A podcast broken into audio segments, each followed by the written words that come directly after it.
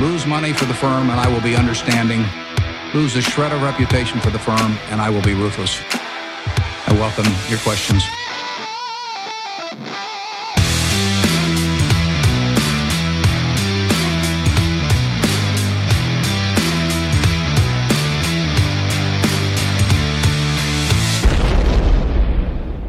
Välkomna till Kvalitetsaktiepodden. Det är jag som är Ola.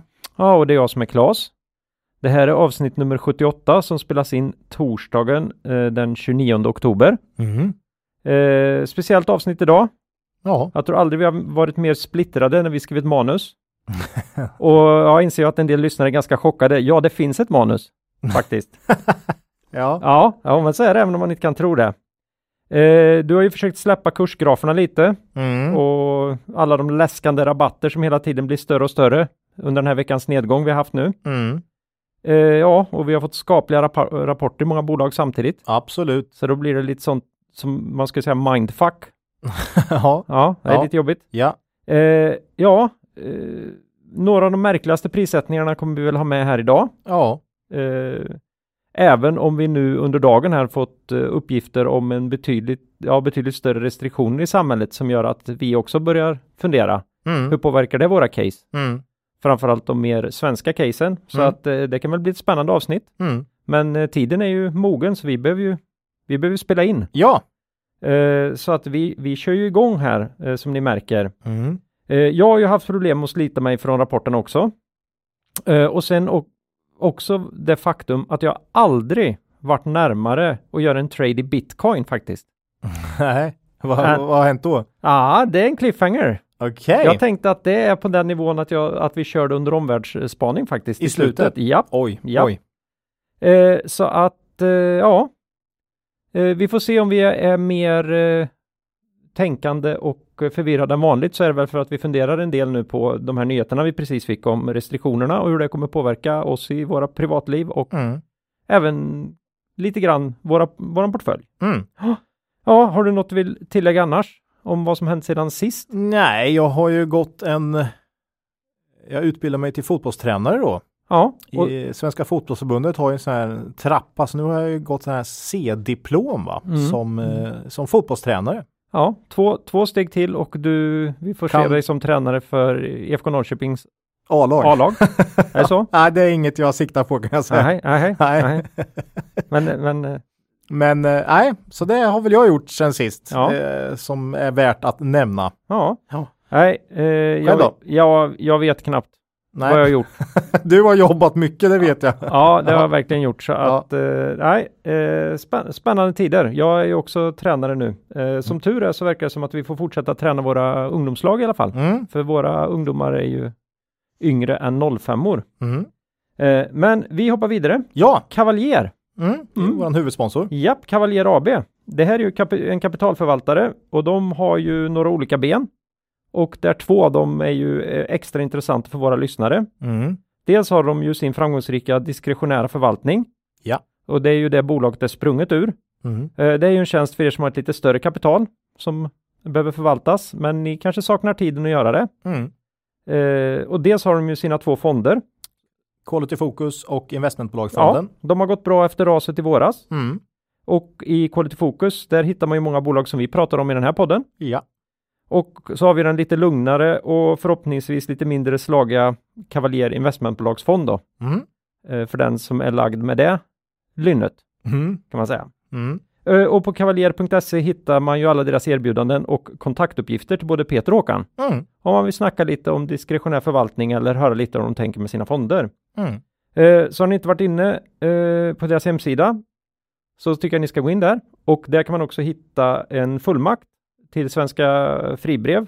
Ja, Ska man kolla upp vilka flyttbara fribrev man har. Det är sådana här gamla tjänstepensioner. det har du gjort. Det har jag gjort. Mm. Eh, ja, f- tyvärr den stora gick ju inte att flytta. Så jag kommer flytta det som går att flytta, men det var inte den här, The Bulk. nej den här riktiga bulken, den, den är inlåst i något gammalt kommunalt tjänstepensionsavtal. Kopplat till Ja, kommer- Handelsbankens lukrativa. Ja, den kommer betalas ut i kol vintertid. Så jag ska kunna värma mig och min familj här på ålderns höst. Ja, det Men låter eh, fint. det är en annan historia för Ja. en annan, annan podd. Mm. Eh, nej, men eh, där kan man gå in och om man då har lite mer tur än vad jag hade så kan man ju flytta de här eh, till Svenska Fibrevs fondtorg. Mm. Och där kan man ju välja då bland annat på Cavaliers fonder och en hel hög med andra intressanta fonder också. Ja. Eh, så missa inte den möjligheten. Och kostar inget att kolla upp. Nej. Ja, och kom ihåg att historisk avkastning i fonder inte säger något om framtida avkastning och att ni kan förlora delar av ert satsade kapital då fonder kan både gå upp och ner i värde. Mm. Tack säger vi till vår huvudsponsor Cavalier AB. Börsdata Ola. Värdeinvesterarnas bästa vän. Ja, vår samarbetspartner Börsdata. Mm.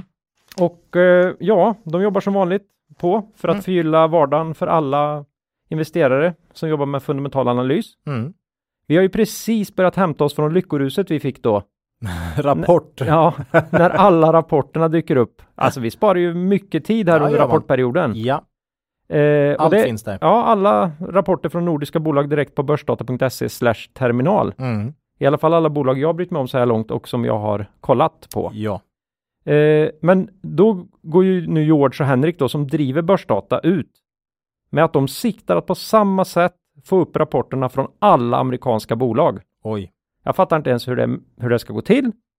Vi håller tummarna säger jag för Mm. att de lyckas med det här mastodontprojektet och hoppas och tror att det kanske kan lägga grunden för fler amerikanska bolag även i den här podden framöver. Ja, ja det vore ju riktigt kul. Eh, Ja. För Och då, det tror jag. ti- då tappar man det där steget som blir lite när man har screenat något. Mm. Ja, amerikanskt. Ja, men då, då nu blir har det väldigt lätt. Nu Rakt blir det väldigt lätt. Mm. Uh, jätteintressant. Tack säger vi till Börsdata. Tack. Mm. Innan vi går vidare i avsnittet vill vi också påminna våra lyssnare om att aktieinvesteringar alltid innebär ett stort risktagande. Aktier kan både gå upp och ner i värde. Satsa därför aldrig kapital på aktier som du inte är beredd att förlora. Det vi säger i podden ska aldrig betraktas som köp eller säljrekommendationer. Gör alltid din egen analys av bolagen innan eventuell handel. Ja, vi hoppar på bolagsdelen då Ola. Ja, vi kan väl börja med lite allmänt kanske. Ja, vad är aktuellt? Ja, men det är ju ett nedställ på börsen här, helt tydligt. Jag tycker mig ha märkt det. Eh, en andra våg sköljer över Europa här helt tydligt vad gäller covid-19 ju. Ja, Och många länder börjar ju nu eh, införa nya restriktioner här igen. Mm. Eh, så också Sverige. så också, Upp, Sve- uppenbarligen. så också Sverige då idag kom ju en del eh, Mm. förmaningar om eh, hur befolkningen ska bete sig. Eh, I övriga Europa verkar man dock eh, mer anamma den här ska man säga svenska modellen, hålla skolor öppna nu. Det Arbetsplatser öppna. Arbetsplatser öppna, det gjorde man ju inte i våras. Nej. Eh, så det är väl en, en viss förändring här ändå. Ja, i alla fall initialt i den här vågen. I attack vad gäller eh, hårda restriktioner här. Mm, det kan ju komma att skruvas åt. Kan komma och skruvas åt, det vet man ju inte. Så att det gör ju det här året fortsatt väldigt speciellt. Mm. Eh, och eh, ja, börsen har ju tappat, ja, jag vet inte om det var nästan 10% här på relativt kort tid. Mm. nu då. Ehm, och ja, det är ju på grund av det här helt klart. Vad jag tycker mig se är att eh, small och midcap har tappat betydligt mer än index här i, eh, i Mm. nedgången. Och eh, kollar vi i dagsläget här nu så hittar vi ju mm, helt plötsligt mängder med kvalitativa bolag till P10, Mm. vilket är liksom lite julafton då. Och det här Ja. är ju mycket på small och, och midcap. Och många bra bolag helt enkelt till låga värderingar. Vilket kanske inte riktigt syns på de stora indexen i värdering. Nej, de har inte alls tappat i samma om, omfattning liksom. Nej. Eh, och det känns mer och mer som att värdeinvesteringen är liksom eh, out of fashion. Eh, lite som det här 2000 när, när man hånade Lundbergs för skog och, och fastigheter och, och, och tråkbolag. Va? Mm. Eh, Det kan jag ju i och för sig fortfarande göra, men det är, Ja, men det är han ju från en skrattar. annan, en Ja. annan position. Mm. eh, då skrattar, men de skrattar liksom inte 2002 då. Kan gjorde man man säga. inte och Nej. man skrattar baske mig inte idag heller kan jag Nej, nej. Nej, så, så, nej, men det känns verkligen som Mm. att det är någon form av ja, det, det är extrem skillnad mellan värde och tillväxt för tillfället. Mm. Eh, och eh, många, som jag sa, midcap-bolag eh, med fin tillväxt och, och bra kassaflöden bra lönsamhet värderas väldigt lågt i dagsläget medan du ser eh, vissa branscher och stora bolag som värderas hiskligt högt. Mm. Så, så att det är, ja, liksom den här skillnaden mellan bolagen är extremt stor som jag Mm. upptäck, eh, upplever det idag. Ja. Ja, vi gillar ju också tillväxt. Ja. Så, så det, Ja, här är ju en vär- vär- annan, det här är ju en annan typ av tillväxtbolag då. Det här än vad vi söker, det är ju tillväxtbolag som också är förbannat dyra, som går bra. Ja, Vi precis. söker ju tillväxtbolag till, till någon slags, som vi uppfattar rimligare prislapp då. Ja, och dessutom så eh, ska de ju göra vinst. Ja. Det är inte alla de här. eh, Nej, det är det ju inte, men Nej. det finns ju många av de här Det som gör vinst och många- är fina, men, Ja, men- det, går inte, det, går, det går inte att försvara. Eh, nej, men så är det just nu. Men som jag alltid brukar säga, värde kommer slå tillbaka liksom. Eh, sånt här går i cykler. Eh, om inte förr så, så senare. Mm. Köpa välskötta bolag som ökar vinsten över tid till låga värderingar har över tid varit en väldigt eh, lyckosam strategi. Mm. Och det fortsätter vi med. Ja, Föga förvånande. nej. Det är inte så att vi, vi byter strategi här, utan Jaha. snarare att man blir än mer, eh, vad ska man säga, än mer, eh, eh, Dedikerad. ja, lite Mm. så. Och det är väl, det är lite som jag sa till dig förut, det är riktig julafton här på många, Mm. många håll. Ja, då ska vi nog pausa här. Ska jag gå och sälja av det jag köpte i Garo precis innan här för att eh, jag trodde att det var en ny, En ny strategi en som ny gäller. strategi som gällde här, men Ja, nej, ja. okej. Nej, Nej, nej, de är inte i min eh, portfölj. Nej. Kan jag tillägga, det var alltså ett skämt. ja, Jag skulle inte köpa Garo. Däremot Mm. tycker jag väldigt mycket om Garo som bolag och Mm. deras produkter, vilket är en helt annan sak. ja, precis. Just det. Eh, Jaha, nej men det mer om, då? Aktuellt? Nej men jag tycker, sen är det ju rapportperiod Mm. och många bolag har kommit in med bra Q3, Mm. framförallt eh, lönsamhetsmässigt då. Mm.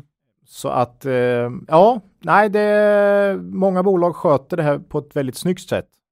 Faktiskt. Eh, I en osäker tid, helt Mm. enkelt. Många rapporter andades väl viss optimism också. Hade väl kanske inte riktigt hunnit, hu, hi, liksom hunnit få med den här senaste Backlashen. veckans, det är egentligen sista veckan här bara, Mm. som Frankrike och, och flera andra länder har, har gått ut med sådana här restriktioner. Ja. Så ja, vi får väl stanna där så får vi se vad framtiden har i sitt sköte så att säga. Ja, Och eh, vi går över på bolagen här. ja, vi ägnar oss åt det vi, Vi kan. vi kan. Ja. Vi tar och tittar på lite bolag. Mm, Sex stycken idag. Ja. Som vanligt i bokstavsordning. såklart. Alla har rapporterat sen senaste poddavsnittet. Mm. Och alla utom en, ja det är nästan två bolag idag som inte är sådär superkända Mm. för våra lyssnare. Ett Mm. nytt och ett som är på gränsen till nytt. Ja, det var väldigt länge. Vi har Det haft med väldigt- en gång för väldigt länge sedan. Ja, det, de, de lyssnarna som var med på den tiden, de har ju, de har ju dött av de flesta. Så det, det, det är en få, det är få som, De andra bolagen har varit med Mm, mm. många gånger och eh, är lite så här, eh, vad ska man säga, eh, poddfavoriter. ja, tråkiga. Mm. Men vi köper det. Eh, vi börjar med AQ Group. Ja, Eh, det här är ju för kaplyssnaren en välkänd fin underleverantör till industrin, mm, helt enkelt. Eh, avsnitt 72 från den 6 september senast. mm. AQ som vanligt, stabil rapport, sällan de plumpar, eller aldrig skulle jag säga. Det här bolaget har ju en vana att leverera bra oavsett marknadssituation och så även nu i Q3. Omsättningen minskade med 11 procent. Mm. Så fortfarande mm, relativt tufft konjunkturläge. Eh, organiskt dock minus 8 bara. Valutan har ju drabbat dem lite där. Ebit ökade med 12 procent. Mm. Starkt. Vinst, vinst per aktie plus 14 procent. våran klassiska kostnadskontroll Ja, har precis. klivit in. Man har tagit emot statliga stöd på 13 miljoner under Q3. Mm. Eh, samtidigt hade man dock engångskostnader på runt 6 miljoner så netto 7 plus då ungefär. Mm. som ska jämföras med 97 miljoner i kvartalsvinst. Så inte, ja, inte sådär extremt mycket faktiskt ändå. Nej. Man säger att man har god tillväxt i kvartalet inom medicinsk teknik. Mar ja, föga men- Du du, du bara levererar liksom chocknyhet på chocknyhet Ola. Jag vet inte Ja, jag ska men- ta emot det Men marin infrastruktur då? Nej, den såg jag inte komma. Ja, järnväg. Marin infrastruktur, det, det är ju jättekonstigt. Ja, eh, järnväg Mm. samt maskinbearbetning av komponenter till gasturbiner har gått eh, bra tydligen. Mm. Ja, ja det här kan... Det, det var inte lika väntat Det var som, inte lika väntat, nej. som, eh, nej, Nej. som medicinska teknikbolagen. Nej. Nej. Fritt kassaflöde senaste fyra kvartalen för AQ nu uppe på nästan en halv, närmar sig en halv miljard faktiskt. Eh, inga förvärv har gjorts nu på ett år och det har förbättrats balansräkningen eh, betydligt eh, och Mm. vi väntar ju på nästa förvärv. Mm. Eh, har vi gjort nu i ja, något kvartal. Men det i, har inte hänt något. Och lite förvånad för det brukar ofta, en gång per år brukar de komma med ett, eh, ett sånt där intressant bra förvärv som, som ökar omsättningen med runt 10 procent. Jag vet inte om det har med själva situationen i år och eh, stor skillnad mellan förväntningar och, och, och sådär eh, Mm. vad gäller priser. Men nej, faktiskt inget förvärv Ja. från AQ än så länge. ja, men om man tänker titta på det utifrån så är det klart att det är sjukt att liksom förvänta sig att man ska kunna rulla upp bra förvärv på bra förvärv. Mm. Eh, men det har ju AQ alltid gjort. Så Ja. då, då ser man ju det som en av deras uspar liksom. Det här, De är inte felfria, men överlag väldigt bra förvärv får man säga, som har levererat över tid. Mm. Senast Trafotek här för ett år sedan var ju, har ju levererat bra. Mm. Eh, aktie tappat 21 procent hittills i år, så det här är ingen av de här riktiga coronavinnarna, helt tydligt. Nej, Resultat per aktie dock upp. Vad har då hänt med värderingen, Claes? ja, det här har blivit billigare där Ja. Ola. Det här har blivit mycket billigare. Man har levererat en vinst per aktie på cirka 15 kronor för de senaste fyra kvartalen. På 180 kronor står då eh, aktien i idag så är det ett P E på 12. Mm. Eh, ja, jag har ju sagt det så många gånger och vi kommer fortsätta äga AQ så länge vi får, eh, man betalar så här lite för ett bolag som historiskt har ökat både omsättning och vinst med 10% per år med Mm. väldigt fin stabilitet. De finansiella målen är dessutom 15% årlig tillväxt. Mm. 5 organiskt, 10 för, från förvärv. Den här, det här 10 förvärvet jag, jag pratar om Mm. Som vi väntar på. som vi väntar på. Eh, I närtid kan man såklart hoppas här på något nytt förvärv. Eh, det är väl det som, som skulle kunna, ska jag säga, rör, eh, liksom bli en positiv nyhet. Mm. Eh, vi ser AQ fortfarande som ett klart attraktivt alternativ till många andra välskötta industribolag med betydligt högre värderingar. Mm. För det finns många välskötta industribolag i Sverige, men inte så många som värderas till de här priserna tycker vi faktiskt. Ehm, ja, vi eh, tror att AQ kommer fortsätta leverera bra oavsett marknad faktiskt. Eh, tuff marknad såklart, lite sämre, men ofta över förväntan. Mm. Ehm, Och de står ju på många ben. de står på många ben, Mhm. många kunder. Ehm, ja, föga förvånande så äger vi fortfarande våra, våra aktier i AQ Group. Mm. Det är inget vi funderar på att sälja. Nej, Nej. inte på de här nivåerna. Nej. Så Eh. det om AQ. Ja, nej, det får ju bli lite mer tempo här Ja. under rapport eh, genomgångarna. Nu Mm. kommer vi till en riktig eh, rackare då. Mm. Byggmax. Eh, Betsson tänkte jag. Det är ju, e, Nej, jag- E går ju före Y va? Förlåt. Eh, Det här bokstavsgrejen alltså. ja, vi kör Betsson. Mm. Mm. Mm. Mm. Mm. Det gör vi. Vi Ja. kör Betsson Ola. Ja, det gör vi. Ja. Det här är då ett spelbolag som också verkligen försöker hitta många ben att stå på just nu. faktiskt, faktiskt. Så eh, lyckas de då? Eh, ja, Pontus Lindvall här eh, i spetsen då för Betsson ju slängde ju fram en Ja, det var ju en av de här stora rökarna i rapportperioden så här långt skulle jag Mm. säga. Eh, omsättningen ökade med 31 procent i Q3. Ebit ökade med 55 procent, operativa kassaflödet ökade med 61 procent, antalet aktiva kunder ökade med 46 procent. Mm. Trading-updaten för Q4 säger att omsättningen är upp 45% under inledningen av kvartalet.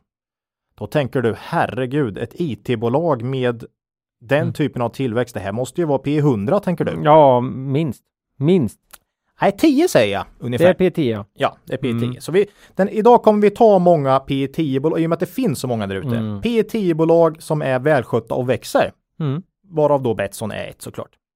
Eh, analytikerna här fortsätter försöka komma ikapp med sina riktkurser. Eh, riktkurserna har gått från i snitt 56 kronor i våras till nu 84, en uppgång med cirka 50 procent. Mm. Eh, man har liksom legat helt galet här. eh, faktiskt. Eh, förflyttningen från landbaserat spel till online har givetvis påverkats av pandemin. Det är ju många av de här eh, kasinorna runt om i världen som har haft stängt. Mm. Helt enkelt. Så man har fått vara hemma och spela online. 2020 ser ut att bli ett väldigt bra år för Betsson. Föga förvånande då. Risker är som vanligt politiska utspel eh, och regleringar i olika länder. Jag lyssnar in på den här konfkålet med Pontus. Mm. Eh, och på frågan om påverkan från Tyskland och Holland som vanligt får de ju en, en stor mängd av frågorna rör ju risker hela tiden när man Mm. lyssnar på de här konfkålen och då svarade faktiskt Pontus att eh, han var väldigt nöjd med den ge- geografiska spridningen nu och att ingen marknad var så där jättedominant längre. Utan man hade en, en, en, en bra spridning faktiskt. Eh, han, tyck, han, han tryckte flera gånger på att den geografiska spridningen i intäkter var en fördel nu för Betsson. Mm. Och det är ju intressant tycker jag ur risksynpunkt. För man vet ju liksom aldrig vart... Det smäller nästa gång. Lite så. Sen pratar han väldigt mycket om att det är en överreglering i Europa för tillfället. Eh, Det vill säga att han tror det kommer slå tillbaks och att man kommer lätta på en del regleringar när staterna tappar intäkter och man märker att spelarna flyttar till illegala Dot .com. dotcom-aktörer. Mm. Eh, så det är intressant faktiskt. Eh, Pontus tycker jag alltid är lugn och han har ju, han har väl fått lite det här, den här som går i bräschen för branschen. Eh, Nestorn. Nå, Ja, eller bräschen tvärtom. Nej, fast han är ju lite Nestor i ja, men branschen. näst, ja, men han är lite så. Han, han Mm. har ju provocerat nästan lite. Han har inte varit den här som har strukit medhårs, utan han har sagt vi har rätt här och så här tycker vi är det, så man ska göra. Men, och Mm. inte bara lagt sig ner helt enkelt. Han startade ju den här spelbutiken i Stockholm. Ja. Det var väl 2011, 12 kanske eller något då. Ja. Ja. ja, Nestor bara som att han varit med länge då. och, och, och, Ja. vet, och vet lite om en hel ja, del. Han vet, han, han kan Eh, branschen. Men så, visst, eh, men alltså han, har inte han också blivit lite avrundad i kanterna? Det är inte den gamla provokatören på det nej, nej, alls. nej, alltså. kanske. Men han har inte på samma sätt som många andra bolag försökt blidka marknaden vad gäller stor del, stor andel i reglerade marknader och eh, sådär, utan eh, han, det känns som att Betsson alltid har agerat med aktieägarna först och främst. Mm. Senast nu, vi lämnar UK, Mm. eh, förutom ett varumärke. Eh, vi är inte tillräckligt lönsamma där och eh, regleringarna är för tuffa. Mm. Då hade man 3% i UK och då lämnar man med sju eller åtta varumärken och stannar med ett. Mm. Eh, man tycker fortfarande det är en intressant marknad, men man tycker inte man har den lönsamheten som man ska ha där helt enkelt i Mhm. dagsläget. Ja, och det är ju verkligen ett, ett, ett folk som spelar. Ja, Så det måste ju vara, de måste ha gjort en sjuk kanalisering till, eh, till .com, alltså till svart. Möjligt. Ja, o, oreglerat, olicensierat. Ja, men han Ja. säger vi vill vara kvar där för det är just Mm. en, en av Europas största spelmarknader. Mm. Eh, så vi stannar med ett varumärke för att kunna få en bättre lönsamhet. Det har varit alldeles för många eh, plattformar och sådär. Mm. Eh, men man gör framsteg i Sydamerika. Och förvärv också. Förvärv, Mm. colombiansk speloperatör då, Colbet. Mm. Man går ju ganska hårt på eh, sportsbook nu faktiskt på många håll. Den här operatören Colbet är ju sportspel först och främst. Eh, jag tycker man går, det är två grejer som utmärker Betsson för tillfället. Dels den geografiska spridningen. Sydamerika, man har börjat röra sig in i USA. Men också att man försöker jobba ganska hårt på sportsbook. För man har ju varit Mm. ganska tunga på kasino historiskt. Fin betting. Ja. Ehm, det känns som att marknaden för de här aktörerna, framförallt Betsson då, eh, blir mer och mer global här. Eh, ganska snabbt nu. Eh, och vad gäller med Sportsbook så är det också det här att Betsson investerar en hel del pengar just nu faktiskt i en egenutvecklad Sportsbook-lösning vet jag inte om du känner till. Jo, det var ju det jag försökte, den här dåliga grejen med att de breddar sitt, Ja, sitt erbjudande. man har redan börjat erbjuda den här till operatörer och signat en del avtal. Mm. Eh, jag tycker det här är en jätteintressant grej faktiskt om Betsson skulle bli till viss del en B2B-leverantör då inom sportsbetting. För kollar du till exempel på svenska Kambi så har du ju en värdering på P60 i snitt senaste fem åren Mm. eh, där. Mm. Ja, det är ju... Och det ska var- jämföras med Betssons P10 då. Mm. Så det är intressant. Jag tror det är höga odds på att Betsson kommer komma dit. Ja, jo men, Men, vi, ändå, kan alltså, fråga, vi kan fråga Kambi. Ja, men Mm. P15 då, Ja, så småningom. nej, men det är ju, det är ju så, det är så, Ja. det är så konstigt. Ja. Eh, Mm. Nej, men det, det är intressant att Betsson rört sig åt det hållet, tycker Ja, jag. Eh, värderingen kan inte beskrivas med andra ord än att den är väldigt låg. Eh, det är P10 rullande fyra kvartal bakåt här. Man har stark balansräkning, kan nog komma fler Mm. förvärv. Man har förvärvat eh, från eh, GIG här i år och dessutom det här Coolbet då. Eh, fortsätter man dela ut halva vinsten så kan man nog räkna med direktavkastning på cirka 5% i vår. Eh, och Betsson delade ut i våras. Det gjorde ju inte Kindred faktiskt, drog tillbaks. Betsson var en av, en, en av de, ett av de företagen som delade ut i våras.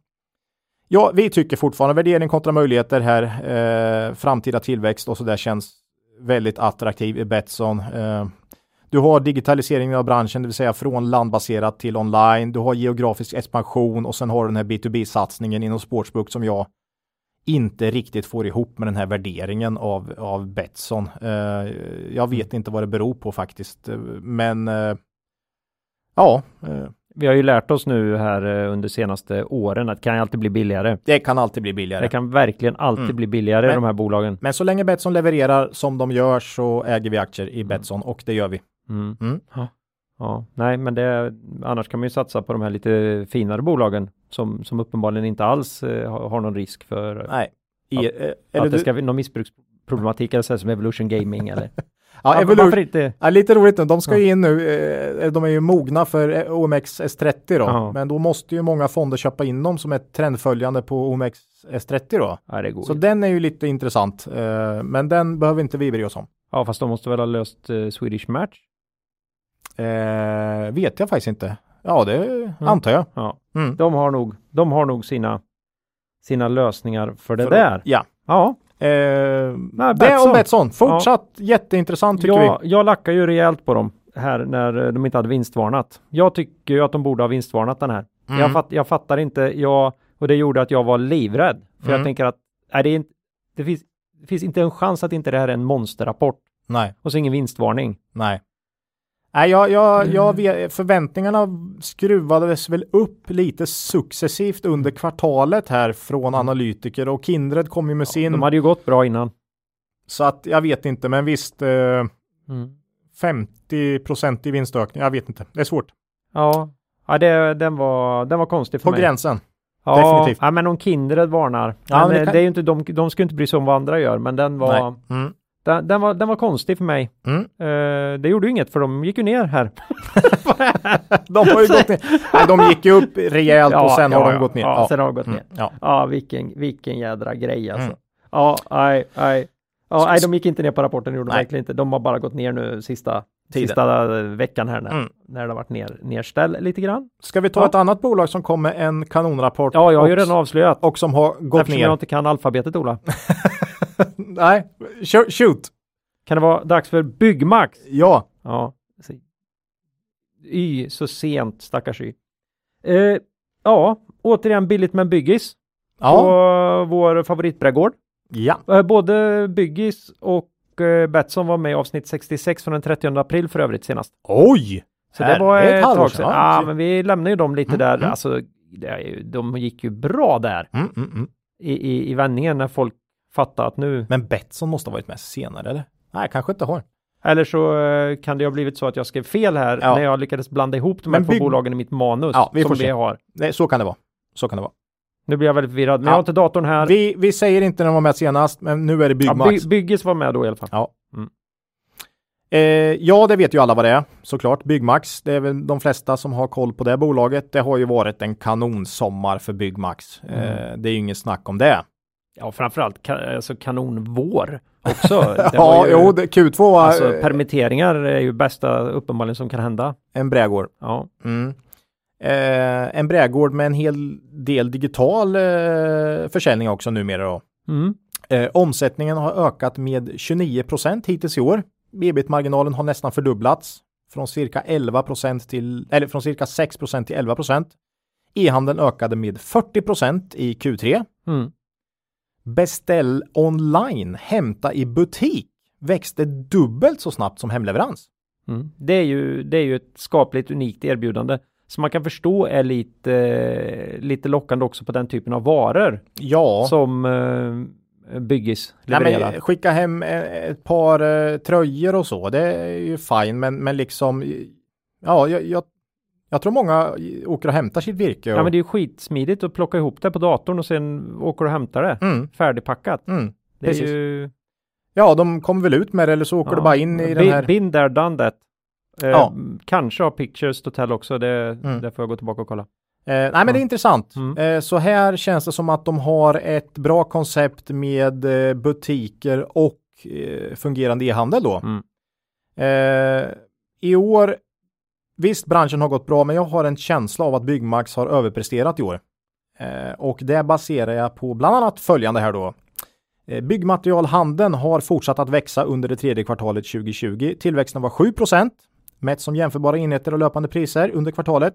Hittills i år är försäljningen upp med 10 Mm. Eh, Byggmax då plus 29. Byggmax själva säger att den nordiska konsumentmarknaden vuxit med cirka 15 till 20 för deras nisch. Mm. Det är vad de uppskattar, Byggmax.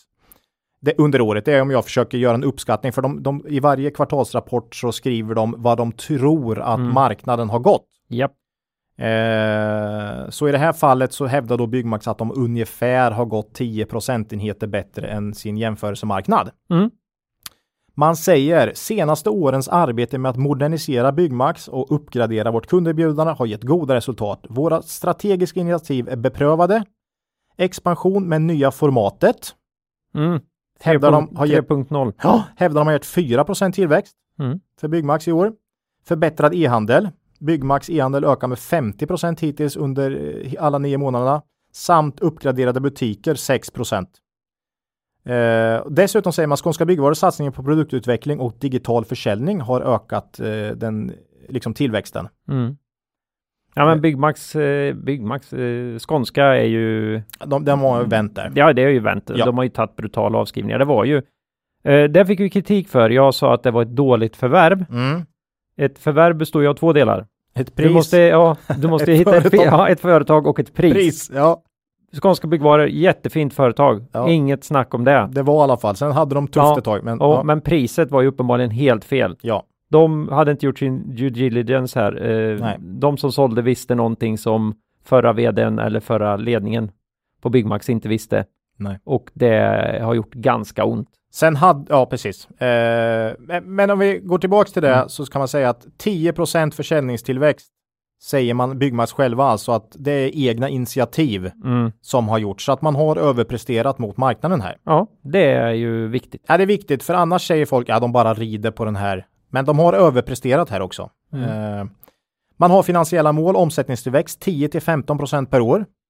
Mm. Så det här är ett bolag som ser sig som ett tillväxtbolag. Helt tydligt. Ebitda-marginal 7 till 8% och utdelning 50 2017, 18, 19 om vi ska vara ärliga nu, precis då när man, man gjorde förvärvet av Skånska Byggvaror i slutet av 2016.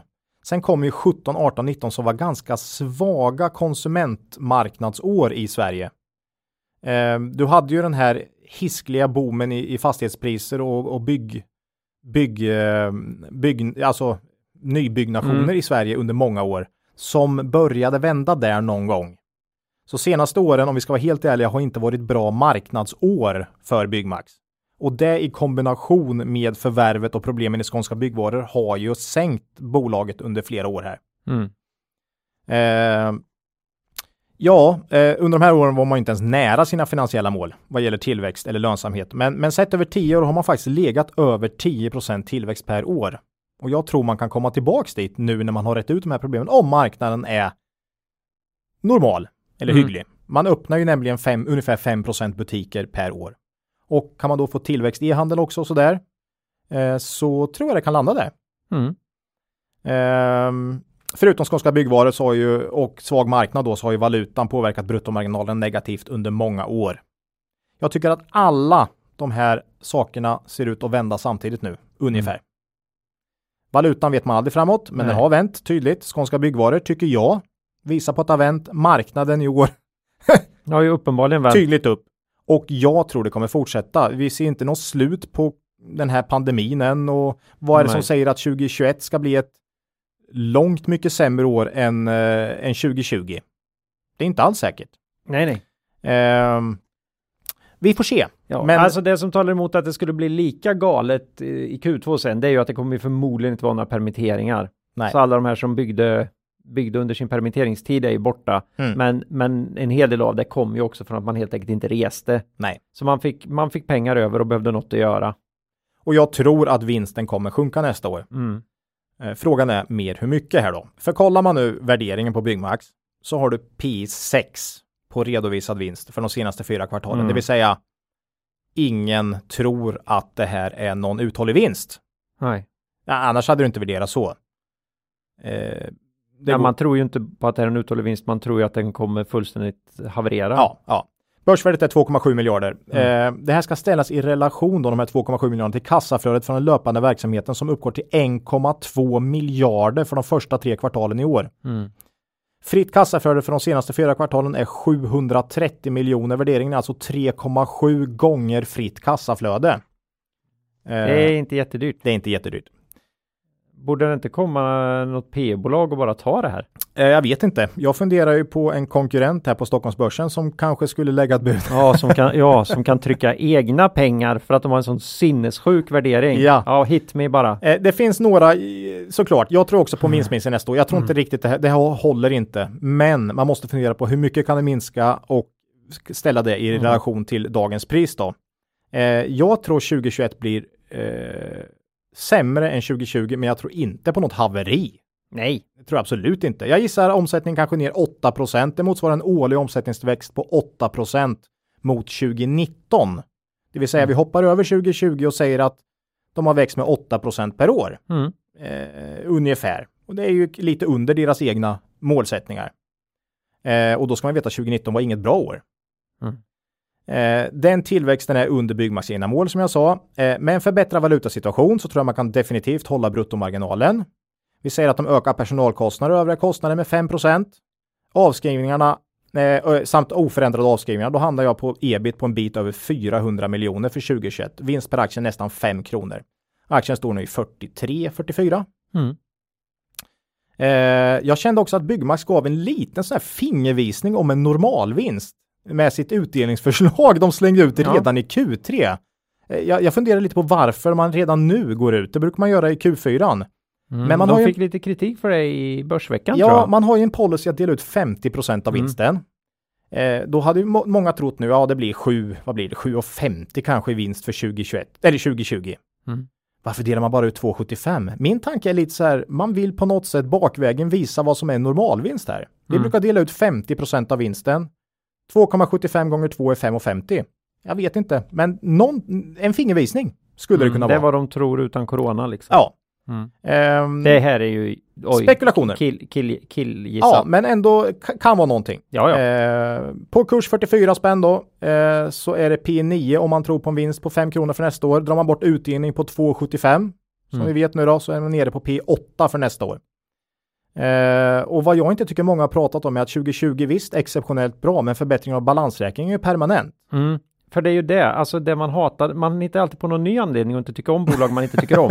Innan, och det även jag, var ju att nej, det, det här är en ansträngd balansräkning. Definitivt. Man fick ju, man betalade dyrt eh, för skånska samtidigt som man gick in i en sämre period. Mm. Jättetråkigt när det blir så. Mm. Och det har, det har inte sett jättekul ut. Nej. Nu inställd utdelning eh, och så här, det har ju varit kanon för det här bolaget. Mm. Ja, vad jag sa blev- jag? 1,2 miljarder i kassaflöde Ja. här tre kvartal. Mm. Eh, så, så är det klart det gör mumma. Jag vet inte hur eh, nettoskuld genom ebitda ligger nu, men är det på en, Två, en och en halv, två. en och en halv, två? Det Ja. är liksom helt okej för Ja, ett sånt här ja. bolag.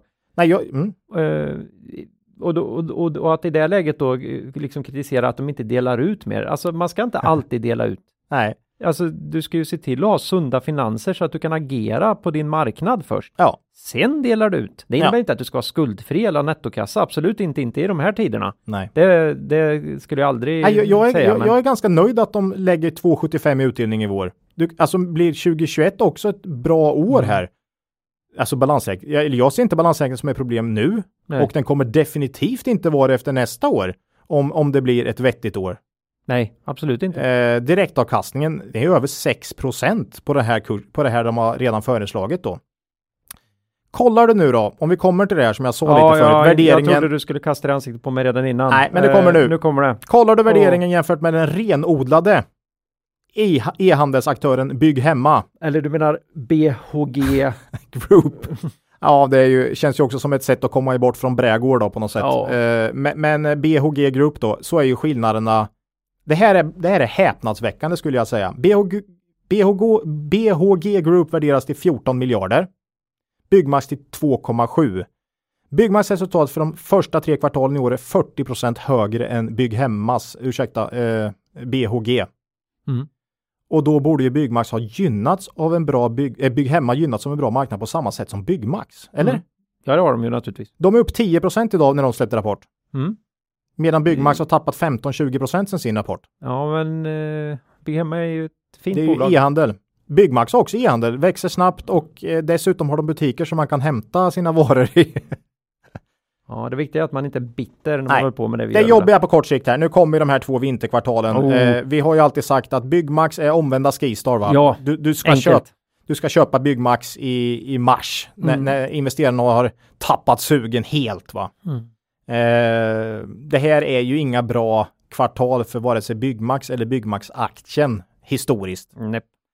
Jag är inte så säker på att det blir jätteförlust i Q4 dock. Eh, får väl se här nu, men eh, nej, mm. man, man sa ju i Q3 att den här hemmatrenden såg stark ut inför Q4 mm. och man trodde på ett bra 2021 så man var faktiskt ute och pratade redan om, om lite framtid. Får se. Mm. Eh, Vi får se nu. Nu, men, nu stänger man ju ner eh, Sverige kan man säga. Eh, det är ju jättelustigt här man går ut och säger att man har sådana här eh, regionala, eller vad säger de? Mm. Säger de till och med lokala kan de inte säga, de måste säga regionala nedstängningar. Mm. Och, sen stänger, och sen så inför man restriktioner på, kan det vara 80 procent av Sveriges befolkning? Ja, Stockholm, Västra Götaland, Skåne, Östergötland, eh, ja. Uppsala va? Där har i alla fall de fem största städerna Städer. i landet ja. och några av de mest tättbefolkade regionerna då. Mm. Och ganska eh. aggressiva restriktioner då. Ja. Man säger att man inte ska vistas i butiker om, ja. om, man, om det inte är nödvändigt. Nej. Inomhus i alla fall. Ja. Brädgård kanske är utomhus. ja, men man kan ju åka, du kan ju beställa då. På nätet och åka hem. Ja, det är mm. väl helt fint. Någonting ska man väl göra här. Eh, mm. De kommer inte stänga ner. Eh, nej. Vi kommer inte stänga ner arbetsplatser, man kommer inte stänga ner skolor och så. Så att, inte, nej. Så att jag, jag, jag, jag vet inte, men, men oavsett här. Det är, det är ju orimlig skillnad mellan Bygghemma och eh, Byggmax tycker jag. Mm, ja, det, det är ju börsen då. Ja. Det är ju den där fantastiska Mr Market ja. som är. Ja, så är det. Eh, mm. Nej, men som sagt, det ser fruktansvärt billigt ut. De negativa grejerna på kort sikt, två svagare kvartal mm. är ju på ingång eh, säsongsmässigt. Och sen har du ju det här jämförelsekvartals problematiken ah, ja. då eh, i Q2 nästa ah. år eh, och eventuellt Q3. Men för det blir ju förmodligen vinstminskning nästa år. Det tror ju, det tror väl alla på, inklusive vi då. Mm. Eh, dock, ska man sammanfatta det här så är det för billigt och vi är beredda att vänta liksom. Eh, Ska det bli en ny Swedol-liggare eh, av Byggmax alltså? Mycket möjligt. Eh, det här är också en sån här coronavinnare på något sätt. Mm. Eh, så blir det en nedstängning, vad gör folk hemma? Helt plötsligt ska man sitta hemma en månad och ja, mm.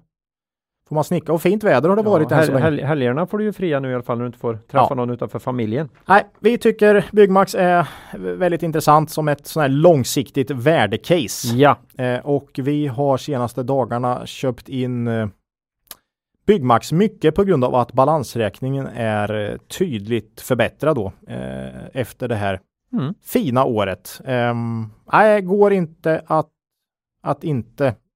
Nej, vi, har, vi kan inte hålla fingrarna borta här.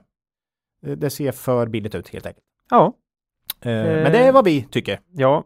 Ni får göra er egen analys. Det har väl vanligt. kommit in blankare dessutom i Byggmax, ja. fast de kanske täckte igen. Jag vet Nej, inte. tror jag inte de har gjort. Nej. Men eh, det har kommit in blankare här, mm. så det kan ju vara en del i, i nedgången. Ja, mm. men eh, ibland vet de saker också, så att eh, gör er egen analys. Viktigt. Mycket viktigt. Ja, nu går vi på ett nytt bolag. Ja, det borde vi göra. Mm. Men innan det, Ola, ska vi äh, prata om ett nytt bolag på ett annat sätt. Ja, just det, vad ja, kul! Ja, vi har idag den stora glädjen att eh, presentera våra nya sponsor Pinpoint. Ja, hoppas alla har koll på det bolaget. Ja, det är, ja, de har ju synts i olika finanskretsar Mm, med Mona Norman, karismatisk vd, Mm. som jag tycker talar mycket väl för bolaget. mm, Eh, De huserar ju fysiskt, höll jag på att säga, men det här är ju ett digitalt bolag. De finns på pinpointestimates.com, alltså stavas pinpointestimates.com. mm, Och eh, de har som mål att binda samman bolag och investerare genom den här öppna plattformen. mm, Och eh, ja, de vill samla in och redovisa hela marknadens förväntningar på bolaget. Och eh, de siktar ju inte minst in sig på de bolag som idag har väldigt få och sporadiska oberoende analyser och estimat. just det. Eh, I vissa fall får, ja, så har, de ju inte mer än eventuella uppdragsanalyser. Eh, och det är väl jättebra att bolagen eh, gör det jobbet, men eh, Pinpoint känner att de vill hjälpa till här. Ja. Så för att komma till rätta med det här så har de tagit fram sin fina plattform Mm, och de presenterar det så här på sin hemsida med sina egna ord. ja, Så inte Shoot. jag slarvar till det här fullständigt som jag gjorde med bokstavsordningen innan. ja, Ja. Här, så, så här säger Pinpoint. Här erbjuder vi samtliga bolag och investerare en plattform för rimliga estimat och tillsammans bidrar vi till en mer transparent, oberoende och demokratisk aktiemarknad. mm, Pinpoint är gratis att använda och fokusera på träffsäkerheten, inte vem användaren är. Vi vet att intresset för aktiehandel är stort och kunskap om bolagen finns överallt. Sharing is caring. Bidra med dina estimat och ta del av all data direkt. Så det här handlar om att om man själv är aktiv på plattformen Mm. och är duktig, Mm. då kommer ju ens estimat få en större vikt. mm. Och att om man delar med sig så får man också ta del av Andras vad estimat. andra har gjort. Jag tycker Eller det är estimerat. jättekul med ny sponsor Mm. och eh, vi har ju haft Börsdata länge som samarbetspartner. Vi får ju här, vilket är historik då Mm. i bolagen. Här, här får du helt plötsligt det andra benet då, eh, förväntningar. Helt andra hållet. Andra hållet, framtid här. Mm. Och dessutom så är det the crowd här. Mm. Eh, en stor mängd människor som tillsammans ger bra upp, eh, uppskattningar på framtiden. Mm. Och trots att man inte så här långt har vansinnigt mycket estimat, vi kommer återkomma i flera avsnitt framåt här, Mm. men så har man ju lyckats ganska bra Ja, jämfört eh, på de bolag som har eh, Analytiker. analytiker. så har man ju slagit analytikerna här eh, Ja. än så länge. Och sådär, Mm. men eh, det går bra. Ja, Och eh, då Desto kan man ju också användare- få estimat i bolag som inte ens har Ja. någon analytikertäckning. och Här. desto fler användare, desto bättre eh, estimat eh, förmodligen. Ja, och rent konkret fungerar det ju så att ni går in, våra kära lyssnare, och skapar ett konto och Mm. börjar lägga estimat eh, på nettoomsättning och vinst per aktie Mm. för kommande kvartal. Eh, man kan också lägga för kommande år. Mm. Eh, och det kan man göra i olika bolag man är intresserad av. Alla bolag finns inte här än. Då kan man också skicka in en önskan om att det här bolaget är jag intresserad av. Så kommer de försöka få med dem. Eh, det får vi se hur det går. Eh, hoppas att det här ska bli jättestort naturligtvis. Eh, och eh, i de bolag de lägger det här estimatet, det här sa jag innan, så kommer de också kunna se vilket viktat estimat som användarna genererat som grupp. Just det. Och det är ju, det är ju en riktig godis att få tillbaka när man sitter och funderar över vart är, det, vart är vi på väg? Ja, Mm. absolut. Inte minst det här på ett års sikt, eller kan det ju bli. Just också. Mm. Eh, vi har ju naturligtvis startat ett konto på pinpointestimates.com Såklart. och börjat lägga estimat i bolag som står oss nära. Mm. Vi kommer ju inte som vanligt berätta vad vi heter där, Nej, men vi är där. ja. Eh, men för att det här ska fungera riktigt bra så måste vi bli fler som lägger estimat. Mm. Ju fler vi blir och ju eh, längre, alltså för ju fler gånger vi lägger estimat, desto bättre kommer Pinpoints algoritmer kunna hjälpa oss Ja. eh, att, att hitta bättre estimat i bolagen som vi är intresserade av.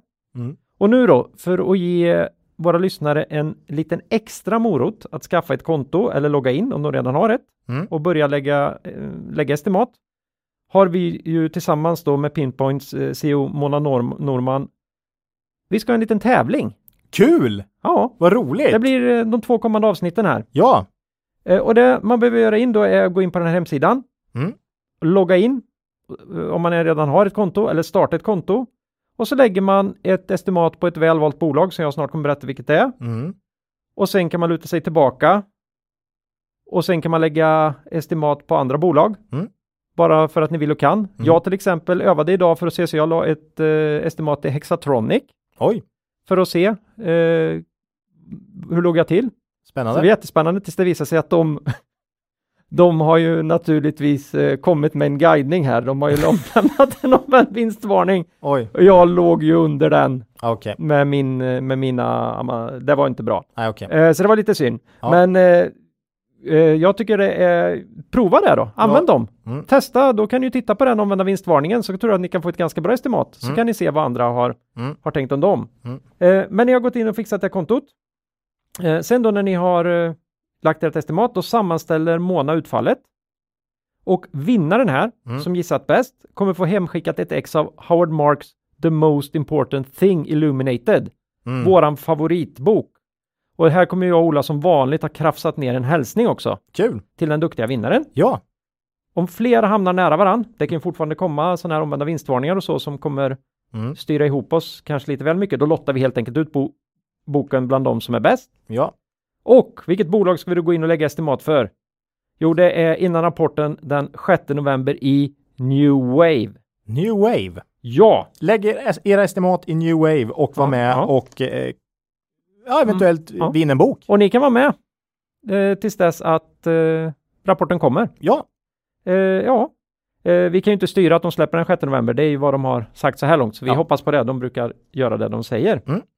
Ja, eh, det är inte allt för många estimat där ännu, så Nej. det finns goda vinstchanser för våra duktiga lyssnare. Kul. Så att eh, ja, tack säger vi till Pinpoint och välkomna Till podden. ja, till podden. Kul. Mm. Nu Ola, Ja, nu kör vi ett nytt bolag. nu kör vi ett nytt bolag på det här, Ja. nämligen Fagerhult. Mm. Eh, jag kommer ju ihåg grabbarna på Fagerhult, kommer du ihåg det? Med Ja, GB och, GO och de här. Ja? GO och de, va? men det här är något helt annat. Ja. Eh, det här är ju en nykomling form av belysningsbolaget Fagerhult Mm. som likt övriga branschen slagit in på en ny led i sin verksamhet. Det där var så krystad ordvits. Ja, men herregud Claes. Och då undrar Ola, ser du mörkt eller ljust ut? ser du mörkt eller ljust ut efter den här rapporten? ja, Äh, det här är ju dina, Habo, det är ju dina hemtrakter Claes. ja, ja, ja. Är inte det? Ja, visst är det det. Där har jag fått mycket uh, smisk i volleyboll tyvärr. De var ju mycket bättre i min år, årsgång, årgång än vad vi var. Jädra rackare alltså. Jag vet inte om Bodil Svens, eh, Sonnesson då, vd här i Fagerhult, bor i, i Habo, men, men företaget eh, ligger där då. Mm. Eh, Det här är ju ett, ja, ett midcap-bolag som så många andra vi har här i podden med ett eh, börsvärde på cirka 7 miljarder, så inte så där. Det är inget jättelitet Nej, bolag. det är inte li- det är helt okej. Nej. Eh, lite snabbt då. Fagerhult-koncernen är ett av eh, Europas ledande belysningsföretag med totalt 4 465 medarbetare i 28 länder. Inget, litet la- eh, inget litet företag här. Eh, företagen i koncernen designar, utvecklar, tillverkar och marknadsför innovativa och energieffektiva belysningslösningar för professionellt bruk och har ett brett utbud av produkter och lösningar som utvecklats med 75 års erfarenhet, kunskap och insikt om den positiva inverkan som bättre belysning har på människan inom en lång rad applikationsområden. Herregud, det här är ESG va? Ja, det här, det här tyckte jag du hade skrivit upp väldigt bra Ola. Ja. Nej, det här var nog snarare eh, Bodil Sonnesson som har skrivit ihop eller bett Hennes någon. marknadsavdelning. Ja, Men eh, det lät sant alltihop när du sa det. eh, nej men eh, mm, ESG. sån här riktigt eh, kapbolag här såklart. Mm. Eh, produkter man kan ta på, bra hist- lång historik Mm. och vettiga produkter. Det här är alltså inte riktigt eh, konsumentprodukter utan mer då ja, eh, för företag faktiskt först och främst. Eh, Men eh, professionellt bruk. är, har man inte dem typ i så här gatubelysning och så? Ja, det, de har ju Ja. allt sånt också. Mm. Eh, det är ju liksom armatur, mass, det är ju, men framförallt i, inte så mycket privatkonsumtion här då. Nej. Eh, huvudägare, Latour såklart, roffar åt sig alla de här riktigt fina Mm. kvalitetsbolagen i Sverige. Nästan 50 procent av både kapital och röster. P 20 i snitt senaste sju åren. Oj, tänker du, det här, varför är det här med? Ja, det är dyrt. Eh, nja, det har varit. Men nu. Eh, oerhört fin historik som jag sa. Tvåsiffrig tillväxt både i omsättning och resultat innan coronaåret 2020. Uh. Eh, man har haft en jättefin lönsamhet historiskt, men det var just det med historiskt, Claes. Mm. Mm. 2020 utmanande. Helt klart. Eh, I Q2 tappade man 16% i omsättning, i Q3 var tappet 18% Orderingången minus 24 i Q2 och minskade med 15% organiskt i Q3. Vinsten efter skatt har gått från nästan 400 miljoner till 87 miljoner för de tre första kvartalen i år. Mm. Då är det dock faktiskt en hel del engångsposter här som man egentligen bör justera för man håller på att avveckla ett dotterbolag i Sydafrika, vilket har kostat en hel del.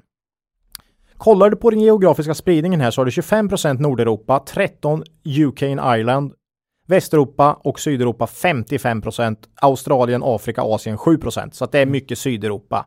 Och det har ju inte varit, ska jag säga, Sydeuropa har ju, Väst och Sydeuropa har ju inte varit det bästa stället att ha verksamhet på i 2020. Nej. Nej. Eh, aktien ser jättedyr ut om du kollar på 2020 års siffror. Men som vi har sagt i vissa case senaste tiden, man ska blicka bortom 2020 eller tillbaks mm. på 2018, 2019. Vad gjorde de före pandemin här? För visst borde man kunna komma tillbaks till en normal lönsamhet så småningom. Mm. Nej, nej man, folk blir inte blinda av pandemin eller så. Vad jag har märkt hittills. nej, de jag tror inte man behöver min, mindre belysning, belysning runt om i samhället nej. heller. Eh, 2019 hade man omsättning på nästan 8 miljarder med rörelsemarginal på, rörelsemarginal på 10 Vinst per aktie cirka 3 kronor. Det är P13 på nuvarande kurs mm. på 40 kronor. Och det är ju inte alls dyrt för ett sånt här bolag. Eh, och tänk då att det har liksom varit P20 länge. Vad sa jag? 20 P20 snitt senaste sju åren. Mm. Uh, IP13 är ju långt under den historiska värderingen. Under 2017 toppade kursen på 130. Nu alltså 40 spänn. uh, lite skillnad. Ja. Balansräkningen är okej, okay, men inte stark. Den här är lite på gränsen så. Uh, tre gånger ebitda och skuldsättningen där. Mm, det är ju... Ja, det är väl våran gräns där ungefär. Ja, det beror lite på IFRS-effekter och så, men vi det, det är väl inte caset här. Ja, Eh, alltså jag, jag, tror att det här är ett sånt här bolag man kan plocka upp faktiskt. Jag mm. tycker man ska gå in, läsa på, bilda sin egen uppfattning. Vi, har inte, vi äger inga aktier i Fagerhult än. Mm. Vi har alltså inte köpt några aktier här, men jag tycker det här ser, börjar segla upp som ett sånt här intressant värdecase faktiskt. Eh, bra bolag, bra tillväxt, bra lönsam, lönsamhet historiskt och nu då kombinerat med en attraktiv värdering. I en annan konkurrenssituation så kan jag ju lätt se oss som ägare här. Ja, absolut. Mm. Vi har det, det, Men, det, det, det, Och då menar jag inte, nu menar jag konkurrens i vår portfölj. Ja, det inte finns för Fagerhult. Det finns många kvalitativa bolag till P10 nu så att mm. det blir lite så nu. Eh, och som är... inte har eh, sträckt sin balansräkning så här långt Nej, heller då. och som heller inte kanske haft riktigt så tufft Nej. under 2020. Mm. Eh, men eh, ja, Fagerhult kolla gärna på det. Ja, det börjar se intressant ut tycker vi. Mm. Mm. Eh, vi får ju hälsa dem välkomna till podden också. Då. Ja, det ska vi faktiskt fortsätta följa tänker jag. Mm. Kul! Habo. Mm. Så var det. Ja. Ja, då är det väl eh, Proact? Mm. Är det inte så? Jo. Har vi redan gjort fyra bolag? Ja, ja. det går undan. Ja, men vi har hållit på fem, en timme. Fem med pinpoint. Fem ja. ja, ja, visst. Ja. Eh, det här är Proact IT, alla vet vad det är. Ser, eh, serverlösningar både på marken och i molnet numera. Mm. Numera säger jag, det är ju där det går framåt där. Mm. Eh, avsnitt 72, 6 augusti, så det här var ju nyss. Ja. Nej, det här blir bara en snabb, snabb eh, uppdatering för folk oh. efterfrågar det mm. helt enkelt. Ytterligare en stark rapport här. I Q3 ökad omsättning med 17 procent. Resultat, resultatet upp med eh, cirka 50 procent. Man har ju gynnats här under året faktiskt av digitaliseringstrenden. Mm. Eh, så är det ju. Eh, samma dag som man släppte Q3-siffrorna offentliggjorde man också ett nytt förvärv, lite som vi har väntat på här i Proact och den här gången är det UK, en specialist inom moln och arbetsplatstjänster. Eh, säger man. Eh, det här mm. ökar Proacts årsomsättning med uppskattningsvis cirka 5% kanske. Bolaget har en lönsamhet som är bättre än Proacts. Mm. Eh, känns ju bra. Eh, Proact har ju som mål att öka omsättningen med minst 10% per år. Ebitda-marginalen ska uppgå till 8% Proact har en 10-årshistorik med cirka 10% omsättningstillväxt och vinsttillväxt, precis som sina mål. Mm. Eh, men till lönsamheten har man faktiskt en bit kvar här. Om man antar att Proact kan fortsätta växa med de här 10 procenten som man tror nu då, det här förvärvet gör ju bra inför nästa år, Eh, och dessutom då med röra sig mot sina eh, lönsamhetsmål så tror jag faktiskt att det kan bli, då kan det bli en ganska vettig vinsttillväxt framåt, kanske uppåt 15 procent. Mm. Ehm, och jag tror, jag känns lite som att förvärven man gör har lite bättre lönsamhet än Proact, så det kan vara en, en, vad ska jag säga, en del i det här att röra sig mot sina mål vad gäller omsätt, eh, vad gäller lönsamhet. Mm. Tror jag. Eh, kolla Men, estimat, men de, be- de betalar ju inte orimligt mycket för de här bolagen. åtta gånger ebita var det. Ja, det är klart, men, men ja, nu vet jag inte hur de växte då in, in, inför Nej, det vet man ju inte. Det, det jag inte vet. Nej, det vet man ju inte. Nej, då tar jag tillbaka allt. Men- det men- det men kan ju åt- naturligtvis åt- vara dyrt. Åtta gånger ebita är Jag, ju sällan. jag bara tänkte mig att de här växer som Proact, men det vet jag ju ingenting om inser Nej, jag. Så att, nej. nej. det, men det är inte orimligt. Men, Nej, nej, det är eh, absolut, nej, nej. det känns inte dyrt tycker jag. Nej. Ehm, kolla estimaten här, för här finns det ändå lite estimat. ABG har vinst per aktie 2021 då, 1667.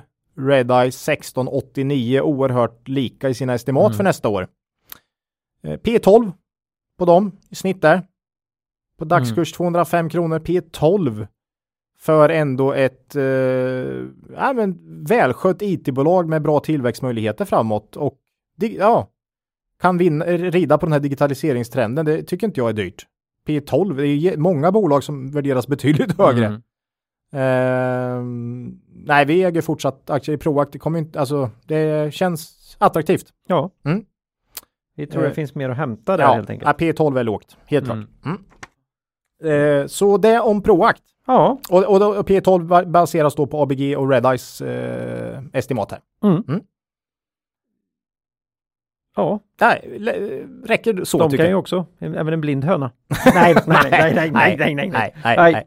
Oj, oj, oj. Ja. Det blir, blir hållit på länge här. Ja. Det här eh, tidsomställningen gör att man tänker, sitter vi här mitt i natten? Mm, Men, ja, eh, lite, lite ja, så. Ja, det börjar redan, eh, Blir mörkt. blir redan bli mörkt här. Ja, ja. Ja, eh, Nej, men det är om Proact. Vi tar eh, sista bolaget. ja eh, det här är ju det som nästan är nytt också. Mm. Jag har inte varit med sedan den 26 juni 2018. Precis. Eh, och det var avsnitt 20 då, om Mm. ni ska gräva i, i rullorna så att säga. Det här är Svedbergs Mm. och de levererar sanitetsprodukter som toaletter och handfat och annat. Mm. Och precis allt ni behöver till ert badrum. Just det. Med skåp och hela Mm. konkalongen. Ja. Det är, Kanonfina grejer dessutom. Ja, det är det. Mm. Starkt varumärke. Det här måste, det kanske inte är ett premium brand. Jo, det är det nog. Jag skulle nog säga det. Åtminstone övre medel va? Övre medelklass. Jag ska säga Volvo V90. Oj, ja Mm. det är bra grej. Mm. Men inte Mercedes va? Nej, Eh, men, men med sån här automatisk eh, öppning, öppning på jag bagageluckan. vet, jag, jag skulle tro att de ligger i övre delen i alla fall här. Ja. Eh, det här är ju ett bolag som har haft det lite tufft några år och kanske därför inte har varit med i podden. Framförallt blev det lite diskat balansräkningsmässigt där under ett tag. Mm. Eh, aktien är minus 35 procent senaste tre åren så att det är väl också lite därför vi inte Eh, Inte klang och jubel. Nej, det har varit lite tufft. Förvärvet av det här makrodesign man gjorde i slutet på 2016 ökade omsättningen rejält men urholkade marginaler samt försämrade balansräkningen betänkligt. Mm. Ja. Eh, marknaden har väl heller inte varit någon direkt höjdare senaste åren heller. Man är väl lite på samma nisch som Byggmax. Det är ändå någon form av byggmarknad. Eh, har varit en downperiod där helt enkelt. Sen har det varit ett par vd-byten under den här tiden. Äh, det, det vittnar om lite jobbiga tider Mm. för Svedbergs. Sedan första juni förra året dock så är det då Per Arne Andersson som rattar skutan och han verkar ha gjort det bra så här långt. Eller om man har till viss del haft tur marknadsmässigt. Jag vet inte, men det mesta har gått åt rätt håll faktiskt under de här kvartalen. Till skillnad från andra poddar så brukar vi väl ändå tillmäta vd en rimlig betydelse. Mm. Det kan man ju tänka, Lex Proact Ja, till exempel. ja. Så att, eh, men visst, Mm. eh, de är ju inte oviktiga. Nej, eh, coronaåret 2020 har omsättningen ökat med 4% ebit upp 25% trots en del engångsposter. Eh, man, eh, ja, balansräkningen har ju förbättrats rejält. Soliditeten är upp över 40% igen och nettoskuld ebitda nu cirka 2. Mm. Så det är ju vettigt. Det är då. taget. Ja. Eh, man är nära förvärv igen. Eh, I våras var man väldigt nära tydligen för man tog engångskostnader för ett förvärv som inte blev av. Man drog tillbaks det på grund av corona då. Mm. Eh, och förvärv är en viktig del av tillväxten här så det är inte otänkbart med förvärv i närtid i och med att man har eh, indirekt sagt då att man, man Mm. var nära i våras. Man var då. där och nosa. Ja. Eh, nya vdn verkar jobba både med tillväxtsatsningar, mycket sälj, eh, säljorganisation har förbättrats, men också effektiviseringar parallellt och det här har synts. Omsättningen upp, lönsamheten upp. Mm. De finansiella målen stipulerar en omsättningstillväxt på 10% per år. Många som har det. Mm. Det är populärt. Här har man legat på 7% i snitt senaste sju åren, så att man är inte riktigt där. Mm. Eh, ebita ska vara, ebita-marginalen ska vara 15% Här ligger man på cirka 12% i dagsläget. Bra lönsamhet, men en bit kvar. Eh, under 2020 har konsumentförsäljning gått starkt. Föga förväntande. Mm. Eh, föga, för, föga Förvånande. förvånande. Men projektförsäljningen, nybyggnationer av hus och sådär har haft det tuffa, tuffare då Mm. på grund av minskad aktivitet. Eh, eh, här har vi prognoser från ABG. De pro prognostiserar 2,50 i vinst per aktie för i år och 2,84 i vinst per aktie för 2021. Mm. På kurs 25 kronor ger det P 8,8. Det är Eh, inte jättedyrt. Nej, det är inte jättedyrt. Det är lågt för ett eh, nej, men starkt varumärke, bra historik, fin lönsamhet. Or organiskt har man inte Låg. Väldigt lågt för man gjorde ju det här jätteförvärvet Ja, ju. Så jag att skulle- eh, låg- organiskt nej, har är man haft det tufft alltså. Ett par procent organiskt skulle jag säga Ja. eh, över tid och sen kompletterar man med förvärv. Mm. Eh, så de här 7 procenten per år i omsättningstillväxt, jag skulle säga att det nog är kanske då ja, eh, ett par procent organiskt och resten förvärv. Mm. Ja, Eh, men då... Nej, så, så det här är lågt värderat, fint bolag, Mm. men eh, total tillväxt eh, ändå vettig då, får man säga. Ballingslöv, största ägare, mm.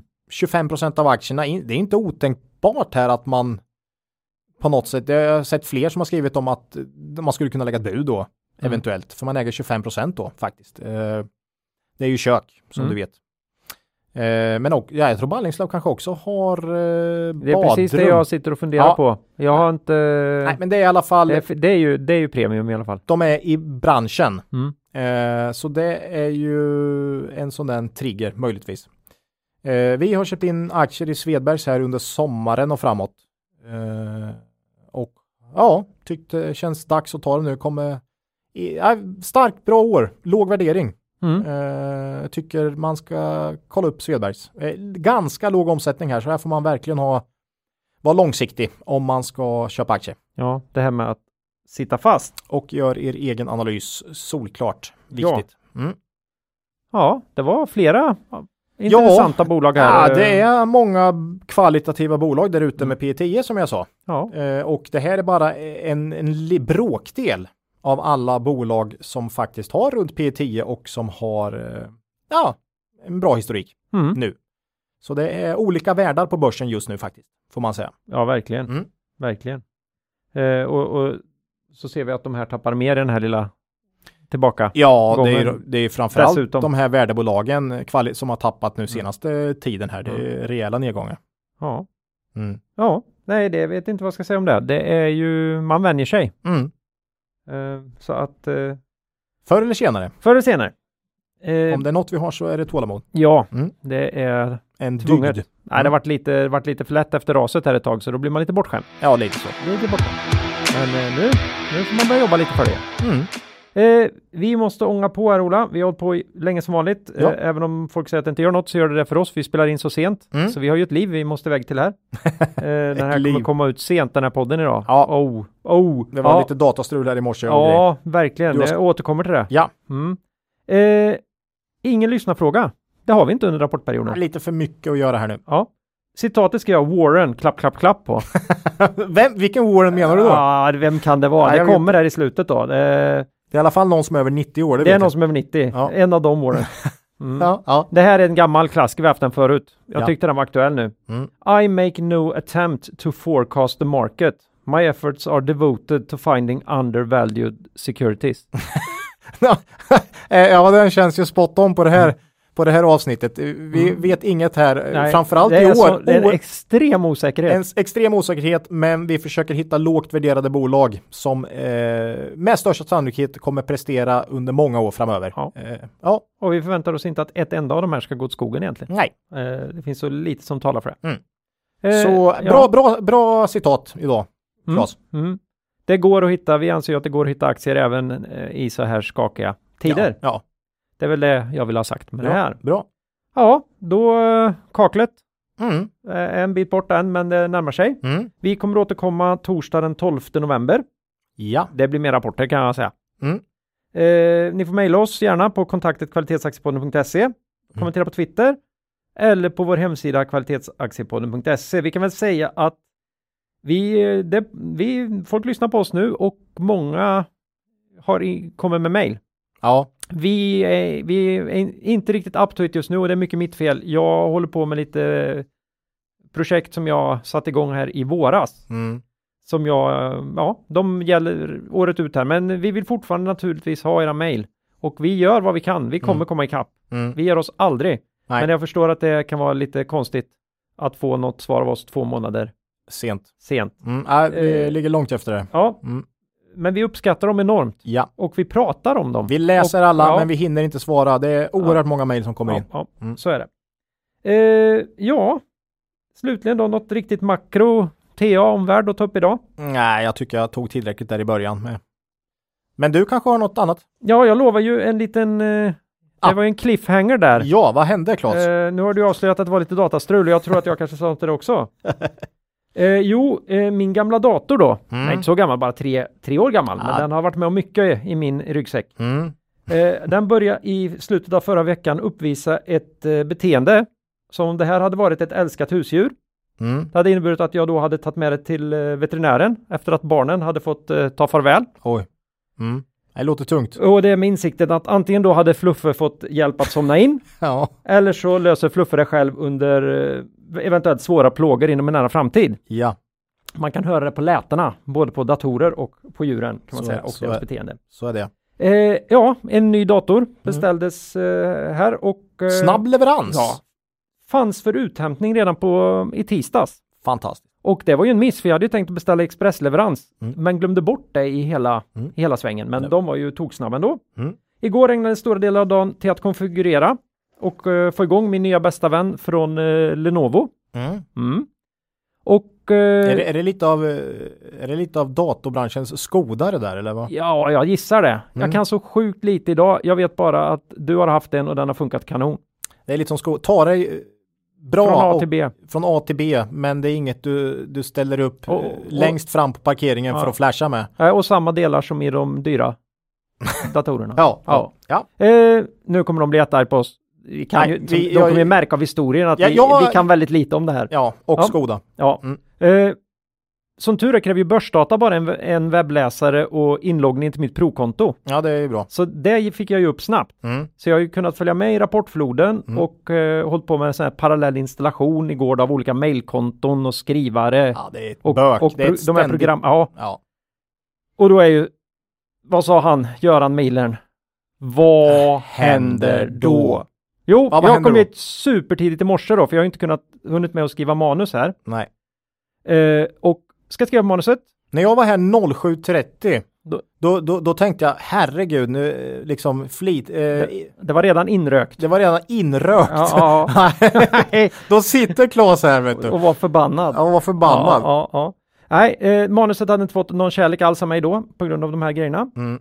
Eh, öppnar då min nya dator Mm. med sin vältrimmade åttonde generationens Core i7-processor Ja. och möts av en blåskärm. Nej, Jo, jo. inte blåskärm. Jo, jo. Där det står att min dator är krypterad av BitLocker och att jag måste skriva in en för mig okänd 48-ställig kod Inte på podddag för att komma in. Inte på Ja, podddag. Och sen säger jag så här, men det är lugnt för den här, den här finns lagrad på ditt Microsoft-konto. Men jag har inget Microsoft-konto. Har du inte? Nej, jag försökte själv gå dit och se om jag kunde logga in. Och jag har inget, eh, jag har inget, eh, det som heter Microsoft-konto. Vad gör du då? Eh, ja, men jag tänkte ju att det här är ju sån här, eh, det är sån här utpressning. Det heter ju BitLocker. eh, men det vad är det för värdelösa utpressare? Jag hade inte fått några. Nej. Jag tänkte hur fan skulle de ha fångat, åh har de snott min dator borde de väl kunna hittat det. Det fanns liksom inget, Skicka, skicka en miljard 20 bitcoin, bitcoin. Hit. Inge, det fanns ingenting sånt. Nej. Du vet, börja tänka så här, ja, men jag, jag har inte gjort någonting i datorn än. Nej. Jag har ju liksom bra skydd från Win- Windows redan och Mm. var det inte så att den här Adobe-sidan såg inte den lite konstig ut? Jag tänkte fan det här var ingen vidare snygg layout på den här. Nej. Är jag lurad? Jag fick ju hem Adobe va? Mm. Men jag tänkte jag kanske var på någon piratsajt. Nej, eh, jag fick ju vänta då. Du dök ju upp där efter ett tag. Jag väntade ju 75 minuter då innan eh, Dustin öppnade som har våran helpdesk. Och det är inte deras fel för jag vet att de öppnar klockan åtta så det är lugnt. Mm. Eh, ja, och tänkte att nu kan de ju berätta för mig hur jävla körd jag är Mm. och att jag då antingen får ge mig ut på bitcoin.se slaska in då ett försvarligt antal tusenlappar och göra om dem till bitcoins Ja. och så liksom Skicka till de här utpressarna. Ja, som jag inte ens hade lyckats förstå vilka de var. Nej. För, för jag försökte verkligen starta om här men det ingenting funkar. Det fanns så här, återställ hela datorn. Ja, Jag testade, nej nej, jag kom bara tillbaka till den här blå skärmen med skriv in din 48-ställiga kod. Mm. Så jag, ja, alternativet kan ju vara då att jag får köra min nya fina bästa vän till den lokala återvinningscentralen. Och då hade det, ja, nej, det finns ju andra datorer naturligtvis. Mm. Mycket är ju molnet idag. Ja. Det är då vi får den här twisten då. Mm. Och alla andra som kan något om datorer Mm. sitter ju redan och inser att Det här den här är... killen är ju helt dum i huvudet då. Han är ju vrickad. Eh, för då fanns det ju en fin, fin människa på Dustin-supporten. Mm. Och han berättar att datorn, den har krypterat sig själv eftersom den är modern. Jo då. Och, Okej. och den har lagt undan en nyckel i mitt Office 365 administratörskonto. Mhm. Jag tror ju, trodde att Office 365 var liksom, du vet, Excel och Mm. Word och sånt. Mm, mm. Nej men det är, det är Okej. mycket mer där, det är hela molntjänsten här. oj, oj, oj. oj. oj. Och det, det här gör den helt utan att kommunicera det med mig. Mm. För att jag någon gång i tiden har sagt att jag vill ha något, något skydd i den tjänsten. Mm. Eh, ja, så att eh, vi lyckas faktiskt tillfälligt väcka upp min, under vissa protester, väcka upp min gamla burk. Ja, Och eh, gå i, komma in där då. ja, komma in där och han, han tar över den och my, mycket riktigt. Eh, 46. gömt efter, bakom två inloggningar, Mm. in under en meny som också är en dold meny där man kom in. och ytterligare sju musklick på rätt ställen senare. Oj, Då hit uppenbarar sig namnet både på min nya dator och din kod. den här 48 48. tecken långa koden. Mm. Jag tänkte att det här är ett skämt. Nej. Jag slår in den koden och datorn hoppar igång. varför den gjorde så här mot mig? Ja. Ja, han förstod ju varför den krypterade, men varför inte jag visste om det och den inte berättade det. Mm. Och varför den låste sig, Mm. det kan inte han säga. Det är höjt i dunkel. Det är verkligen helt i dunkel. Men nu är den igång och det blev ju en inspelning här och så småningom kommer det här bli klippt också. Men vad kan vi då dra för visdom av det här Ola? Att uh, Dustin är en bra helpdesk. Ja, och det är kopplat till det. Min visdom är var aldrig på jobbet innan IT-supporten har öppnat. Det var det. Ja, vi Den inte- sedelärande historien. Kul, vi är inte sponsrade av Dustin heller, men, eh, och- men vi får tacka dem här. Inte av Leno- Lenovo heller. Nej, nej. Nej. Eh, vi sponsrar ju dem Ola. Ja, det gör vi. Ja, det gör vi. Mm. Eh, så är det. Ja, Tack för den eh, historien. Ja, eh, det var så lite så. Mm. Eh, jag hade en hög puls ett Mm. tag där. Jo, Eh, jag såg det. ägande, eget ägande. Ja, det var ju en hel del idag. AQ, Betsson, Byggmax, Proact och Svedbergs. Mm. Mm. Det var de. Ja. Så var det definitivt. Mm. Ja. Innan vi Och- skiljs åt då. Glöm inte bort att gå in på Pinpoint Nej. och lägg estimat. Nej, och vara med och tävla. Ja, jättekul. Ni kan vinna en bok signerad av Claes och mig. Och skriven av en eh, duktig människa Ja, Howard Marks. Ja, Howard Marks. som kan något om Ja. aktier. Ja, Eh, ja, och vi vill också påminna er att gå in på Cavaliers hemsida och läsa på om deras fina erbjudanden. ja. Och man kan följa dem på Twitter. Men kom ihåg att historisk avkastning i fonder inte säger något om framtida avkastning och ni kan förlora delar av ert satsade kapital då fonder kan både gå upp och ner i värde. Precis som aktier. Ja, tycker ni om podden? Mm. Får ni gärna titta till rubriken Stötta oss på vår hemsida kvalitetsaktiepodden.se. Ja, Ja, med det säger vi hej då för den här gången och kom ihåg att det är först när tidvattnet drar sig tillbaka som du får se vem som badat naken. Lose money for the firm and I will be understanding. Lose a shred of reputation for the firm and I will be ruthless. I welcome your questions.